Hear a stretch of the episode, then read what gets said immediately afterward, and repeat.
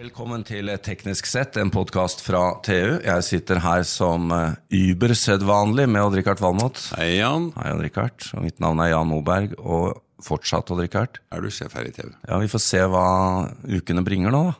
Det blir spennende uker vi går, Ja, det gjør det. Men uh, i dag så skal vi uh, inn på et område hvor du trodde du var sjef. Ja, som jeg trodde jeg visste mye om. Ja, da har vi avdekket en mangel i et av dine all time favorittområder. Ja. Varmepumper, Jan. Varmepumper. Oppvarming. Ja. Ja. Og konklusjonen her er jo at det radiatoranlegget fra 30-tallet som du skar ut i 1984 og kjørte på Grønmo bør, Du bør lære deg en sånn minigraver og se om du finner fram til det igjen. Det ligger nedi dalen der, vet du. Et eller annet sted.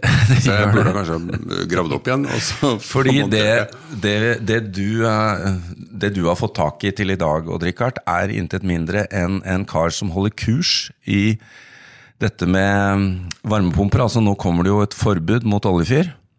Det gjør det.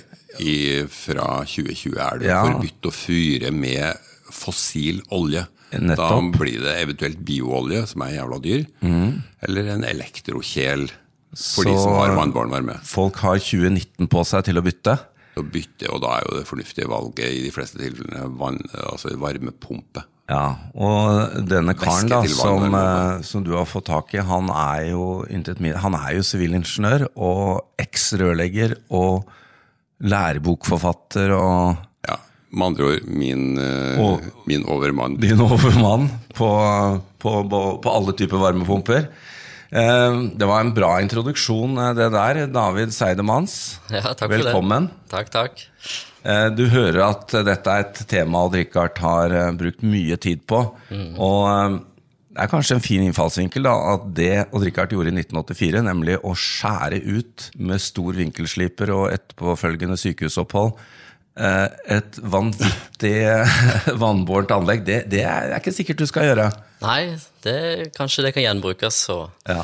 ha mye glede i årene framover. Men nå kjører jo du kurs uh, landet over uh, i, i regi av Varmepumpeforeningen. Uh, hver 14. dag, og det er et voldsomt tempo. Det er mange nå som har begynt å våkne opp til at denne oljefyrte fossilovnen, den må de bytte ut. Ja, det er mange rørleggere som opplever et stort press fra kunder. At nå skal de skifte oljefyren, og så føler de seg kanskje ikke kompetente nok til å ta på seg en sånn stor jobb, og så går de på kurs, og det er veldig bra. Nå er det det å si da, at det kurset du holder, det går jo for bransjen. Men hvis rørleggere og Richard og varmepumpeleverandører og sånn er litt usikre, så, så må jo vi forbrukere bli kanskje enda mer usikre, da. Ja, dette er jo komplisert når du graver deg ned i det. Ja. Eh, Men altså, det er jo visse relativt enkle ting på overflaten. Det er, dette er jo, det er jo lønnsomt å gjøre hvis du har et, uh, har et gammelt hus spesielt. da. Ja. Så er det noe annet i, i små leiligheter. Men David, hva er dine råd da til, eh, til de som sitter der med en eh, oljefyrt, et for oljefyrt anlegg og begynner å få småpanikk? og nå er jo kulda litt over oss her i vinter, og så tenker de dette må, noe må skje i løpet av de neste månedene. Hvordan skal de angripe det?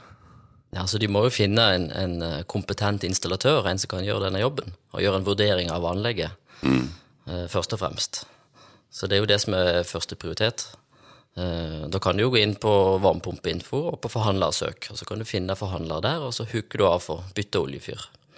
Ja, men dine råd, da? Ja, ja mine råd når det gjelder selve varmeanlegget, det er jo Huset må jo vite Han må vite sånn cirka hvor mye olje han bruker. Det er viktig. Hvor mye ol- olje en bruker i løpet av vinteren. For det legger litt føringer for, for hvor stor varmepumpa og, og hvor lønnsomt det blir. Mm. I tillegg så det, må en se på inntakssikringen, eller hvor, hva er kapasiteten på det elektriske anlegget. Eh, Gjerne hovedsikringen. Hvor stor er den? Er det enfas eller trefas? Men eh, her er det kanskje installatøren sin jobb å komme inn og så se på dette her og gjøre sånne vurderinger. Men det er, jo, det, er jo, eh, det er jo solgt veldig mye varmepumper i Norge over de siste årene. Og det er solgt veldig mye sånn luft til luft, sånn som du plugger inn i veggen. Og jeg hadde det, og du har det. Og Richard. Jeg har det, ja. Det er jo mye, mye bra med det. Men, men eh, hvis du har et vannbårent anlegg allerede og kutter ut oljefyren, så skal du kanskje se etter ikke luft til luft, da, men eh, å bruke det du har. Ja, så hvis du først har et vannbåret anlegg, så bør du bruke det. For det er jo en perfekt, perfekt måte å distribuere varmen på i bygget. Um, absolutt. Så har du et vannbåret anlegg, så bør du beholde det. Ja, det er klart, for luft til luft, det er jo egentlig en punktvarme. Det er en punktvarme. Det varmer bare opp rommet akkurat der den står. Ja, Så spørs det hvordan uh, arkitekturen er, da, om du får spredt det til flere rom opp trappeoppgangen og sånt. Helt riktig, ja. Men det er klart at uh, jeg ser jo det jeg gjorde i sin tid, som hadde altså store radiatorer på alle rom i huset, det burde jeg beholdt når jeg ser tilbake på det. Absolutt. Og spesielt gamle anlegg er, er overdimensjonert. Store, gamle radiatorer. Mye overflate. Hva sa du? Ja, det er mye radiatoroverflate. Ja, det er en fordel. Jo større overflate, jo bedre. For det, det som er kritisk for å kunne sette inn en varmepumpe i et vannbåtanlegg, det er at temperaturen er lav nok på vannet som sirkulerer. Og det påvirkes òg av type varmekilde til varmepumpe. Har du en ut, luft-til-vann-varmepumpe, altså det uteluft til varmekilden, så er det ekstra kritisk at temperaturen på, på det vannbårne anlegget er så lav som mulig. Så det er jo noe gjerne huseieren kan prøve å finne ut av. Altså hvor høy temperatur trenger de egentlig på anlegget sitt. Og alle som har oljekjel, de har da en ventil nede på, på oljekjelen. Det kalles for en skjøntventil. Og den justerer vanntemperaturen ut på anlegget. Den bør da stilles så lav som mulig, og hvis de føler at det blir litt kaldt i huset, så går de heller ned og stiller den opp. Eh, Og da kan de se hva er den høyeste temperaturen de trenger. Og det legger da føringer for om det kan settes inn en varmepumpe eller ikke, og eventuelt type varmepumpe. Ja, for det, dette er jo viktig. Altså I et oljefyrt vannbårent anlegg så er inntemperaturen til radiatoranlegget mye høyere enn det du kommer til å fòre det hvis du velger en varmepumpeløsning. Ja, altså De fleste radiatoranlegg de er jo dimensjonert som et 80-60-anlegg. Altså Turtemperaturen er 80, og, og returen 60 ved den laveste utetemperaturen. Vi kaller det for dytt.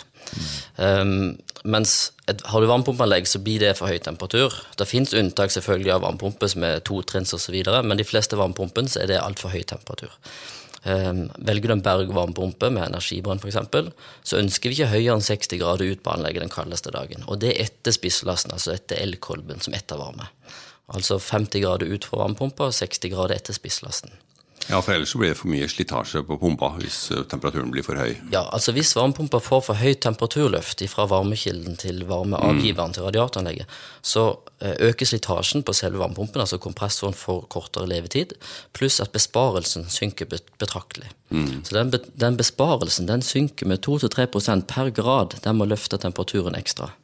Så hvis du klarer å senke temperaturen på varmeanlegget ditt med bare 1 grad celsius, så øker du besparelsen med 2-3 i verden. Så besparelsen er veldig følsom for det temperaturløftet. Det er derfor det er så viktig å få ned temperaturen på varmeanlegget. Du må ikke gå med badeshorts inne, Odd Rikard. Du kan senke temperaturen litt. Det, på litt. det har alltid vært en god idé.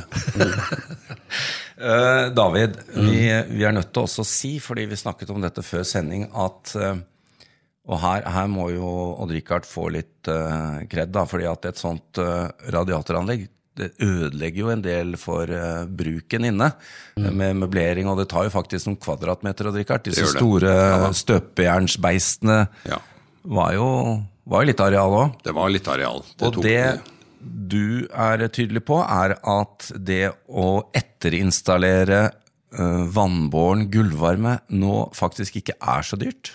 Nei, det er rett og slett en myte at det er så dyrt. Altså Selvfølgelig kan det gjøres dyrt, men det kan òg gjøres veldig billig. Og, og enda bedre. Det, det, er ikke, det går ikke på bekostning av kvalitet eller komfort. Nei, og det å få varmen i gulvet er jo I gulvet. bedre enn å ha varmen ved, ved vinduet, må jeg jo si. Det er veldig mange fordeler med det. Ja. Altså Du får fjerna radiatoren, som tar opp plass og begrenser møbleringen i rommet. Um, og I tillegg, så hvis det er et eldre hus med litt skeive gulv og litt knirk, så får du et nytt, nytt gulv som er i vater, og, og som ikke lager lyd når du går på det. Og i, sist, men ikke minst, så får du jo økt verdien på boligen. ikke sant?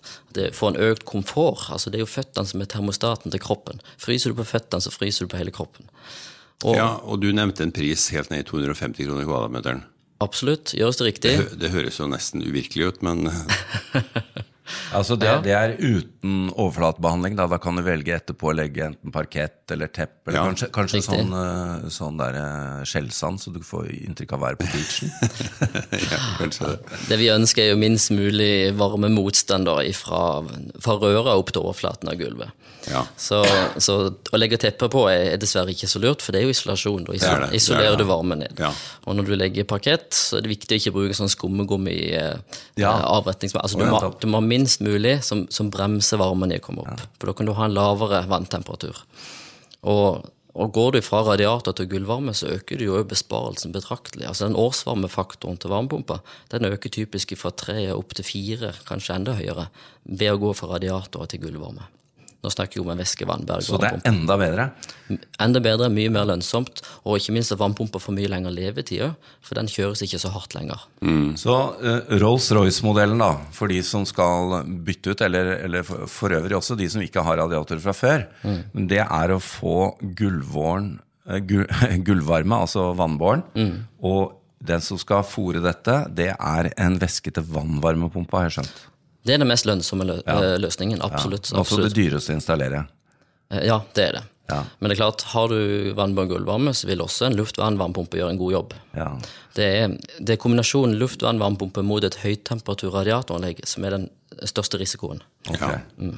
Kommer du til å gå hjem og rive opp gulvet ditt nå, eller, Rikard? Det er vel det eh, eneste fornuftige nå, er det ikke det? Men det er klart at veldig mange i gamle hus med gamle radiatorer de står jo for et relativt stort utlegg nå. Det, vi snakker vel om en 250 000 for en brønn og et eh, varmepumpe og et, en installasjon. Og Ja. hvis de da i tillegg skal bytte ut radiatoren og legge gulvvarme, så blir det et stort prosjekt. Det kan det bli, absolutt. Eh, Du sier 250 000, og det, kan, det er ofte enda dyrere enn det. altså. Fra Ja. 250 til 350, vil jeg si, litt avhengig av okay. Ja, altså Når du snakker om en væske til vannvarmepumpe, mm. bare for å være litt tydelig for lytterne her, hva, hva betyr det ute? Hva gjør du? Altså, Borer du i grunnen, eller eh, hva, hva skjer egentlig? Ja, Væske til vann, det betyr jo det at du bruker en væske, og da en frostsikker væske, eh, for å hente varmen fra naturen et eller annet sted. Det kan være en energibrønn. Du borer et hull ned, alt fra 150 til 350, eller enda dypere, med en kollektor i. Eh, Det er et lukka system. Eh, Og du kan ha flere brønner hvis det er behov for det. Eh, Men det kan også være en jordkollektor, at du graver ned en slange, rett og slett. Hvis du har stor, eh, stor tomt, stor hage, så kan du grave ned en jordkollektor på mellom 1,2 til 1,5 meters dybde og hente opp varme fra bakken. Og da er det jo solvarme Da- fra sommeren som du henter opp. Da er du så vidt under telegrensa, da. Ja, Spørs hvor du bor, da. Ja ja, klart. Ja.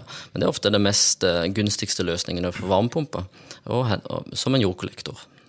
Før, før jeg glemmer det, vi må legge til da, at dette med å etterinstallere vannbåren gulvvarme som vi snakket om her, det fører jo til at, eh, at gulvet ditt blir en to-tre centimeter tykkere. Ja. Ja, det, Så dørstokker og sånn, kan, man må huske på det da. Ja, men det er jo da mulig å ta bort den gamle parketten f.eks. og senke, senke litt. Ja, for de som har den muligheten, så kan du gjøre det. Ja, Du nevnte ja, før sending her at uh, en dreven installatør legger jo et voldsomt antall kvadratmeter med gulvvarme i timen. altså To mann som er dreven på dette, de tar en enebolig på en dag, og, og de legger ca. 100 kvadrat i timen. Det høres jo he- Ja. temmelig raskt ut. Men Det, det høres veldig raskt ut, men det, de må jo være raske, for nå trykket øker jo. Nå, Ja, jeg tenker tenker på det å være varmepumpeleverandør og rørlegger eh, i, i Norge i eh, 2019 er kanskje ikke så dumt. Du får mye Nei. å gjøre. Absolutt. absolutt. Eh, Vi er også nødt til å Det, det var en ting som eh, Det er kanskje logisk når du tenker over det, men eh, David, du sa at det er faktisk bedre å installere en varmepumpe som er litt for liten, enn en som er for stor. Ja. Hvorfor? Nei, det, Vi ser det at varmepumpen vokser og blir større og større eh, i prosent av effektbehovet. Men de leverer ikke noe særlig mer energi. Altså hvis I et energiperspektiv så vil en varmepumpe på 40-50-60% av makseffektbehov dekke en 80-90, kanskje opp mot 95% av energien. Så hvis du da ligger på 90% og har 50 eh, 90% energibehov og eh, 50% effektbehov, så vil det si at hvis du setter inn dobbelt så stor varmepumpe, så får du kun 10% mer. Så optimalpunktet når det snakker om energi, er ofte rundt 50% sånn cirka. Um, men så er det jo en annen faktor som kan påvirke dette. Det ene er effektpriser på spisslasten. Ja. Eh, Den kan påvirke dette her. Og i tillegg når vi snakker om utskifting av oljekjeler, så er det ofte kapasiteten på det elektriske anlegget som blir førende. For å slippe å skifte inntakssikring eller inntakskabel til huset osv., så, videre, så kan det være lønnsomt å heller velge en litt større varmepumpe, slik at den elektriske spisslasten, altså ettervarmen, kan bli mindre. Sånn at de til sammen ikke passerer makskapasiteten til huset. Så alt dette her er du ute og foredrar om på disse kursene? Absolutt. Nei, Er, er, er de lokale elektrikerne også med, da? Eller varmepumpeinstallatører, kanskje? Det er ikke så mange elektrikere. Jeg hadde én på forrige kurs i Trondheim, men ellers så er det dessverre ikke så mange elektrikere. Nå får vi jo eh, etter hvert effektprising av strømmen. Ja. Eh, Går vi da mot en eh, situasjon hvor det lønner seg å sette i en kjempesvær akkumulator for å produsere varme når strømmen er billig? Eh, Hvis vi har ulike effektpriser eller energipriser i løpet av døgnet, Ja. så kan det være lønnsomt med en større akkumulator, helt klart. Mm. Det har de jo gjort nede i Tyskland i mange år. Hvor stor snakker vi om da? Eh, De har aldri mindre enn 300 liter, men 500-800 liter er er vanlig der. Yes. Og Da kjører de opp temperaturen litt på, på natta når strømmen er billig. Ja. Og så, sånn at varmepumpa kan stå mer stille på dagen. Mm. Det vil òg da påvirke den dimensjoneringen som vi snakket om i stad. Ja, hvor stor varmepumpa skal være. Helt klart. ja, altså det man snakker om nå, det er jo et batteri. Sette inn et batteri. Men det er jo ganske mye energi når du har 800 liter varmtvann. Ja. Det, det billigste batteriet det er en akkumulatortank. Det er en vanntank, rett og slett. Ja. Det er det billigste batteriet som fins. Vi får ta med det på, på slutten her, da, fordi det var noe vi snakket om før sending, nemlig dette med varmt vann. Uh, at én ting er jo varme i huset og, og vannbåren varme og sånn, men folk glemmer ofte hvor mye det koster å bruke varmt vann fra varmtvannsberederen. Er Dette, henger jo, dette henger jo sammen, David. Hvis du velger en væske til vann, varmepumpe, så får du jo også den effekten at du, du får varmt vann. Ja da, de aller fleste varmepumpene er tilrettelagt for å produsere varmt vann. Ja, og, og det å, å ta en dusj på noen minutter, det er ganske kostbare greier. Ja. Du hadde noen tall? Ja, hvis vi snakker om effekt, da. Ja. Eh, når du står i dusjen, en helt vanlig dusjhode med 12 liter i minuttet, så snakker vi om eh, 5-26 kilowatt. Altså en plass mellom 25 og 30 kilowatt. Og det er bare på ett punkt. Hvis det er flere tapper varmtvann samtidig i denne boligen, så passerer vi fort 50 opp mot 100 kilowatt-behovet. Det er jo hårreisende mye. Ja, det er hårreisende mye. Altså, Tenåringer må jo sendes ut av huset før de, før de blir det. Men det må jo sies at eh, en dusj varer jo ikke så lenge, litt ja. avhengig om du er tenåring eller ikke. Så det er jo effekt ganger tid som er energi, som vi vet. Absolutt. Vi eh, får konkludere da med at eh, væske til vann-varmepumpe er det beste, hvis du kan. Hvis du kan, så er det det beste, og spesielt når du har litt høy temperatur på anlegget, Ja. radiatoranlegg osv., så, videre, så er væskevann den beste løsningen. Ja, klart. og luft til luft, det er det som kommer dårligst ut, men slett ikke verst. Ja, absolutt. Eh, altså, det er jo ikke alle som har et vannbårent anlegg. De har eh, en parafinkamin.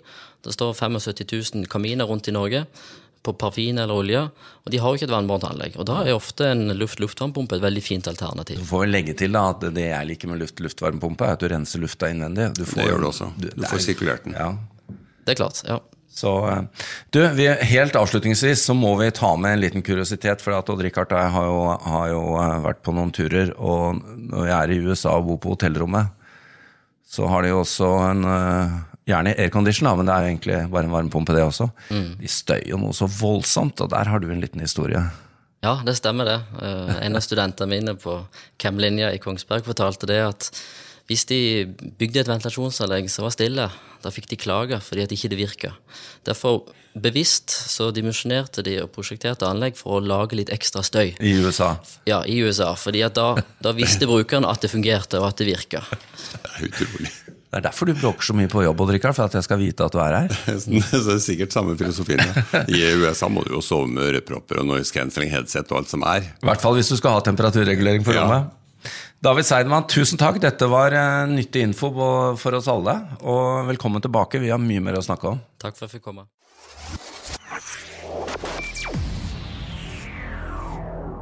Yeah.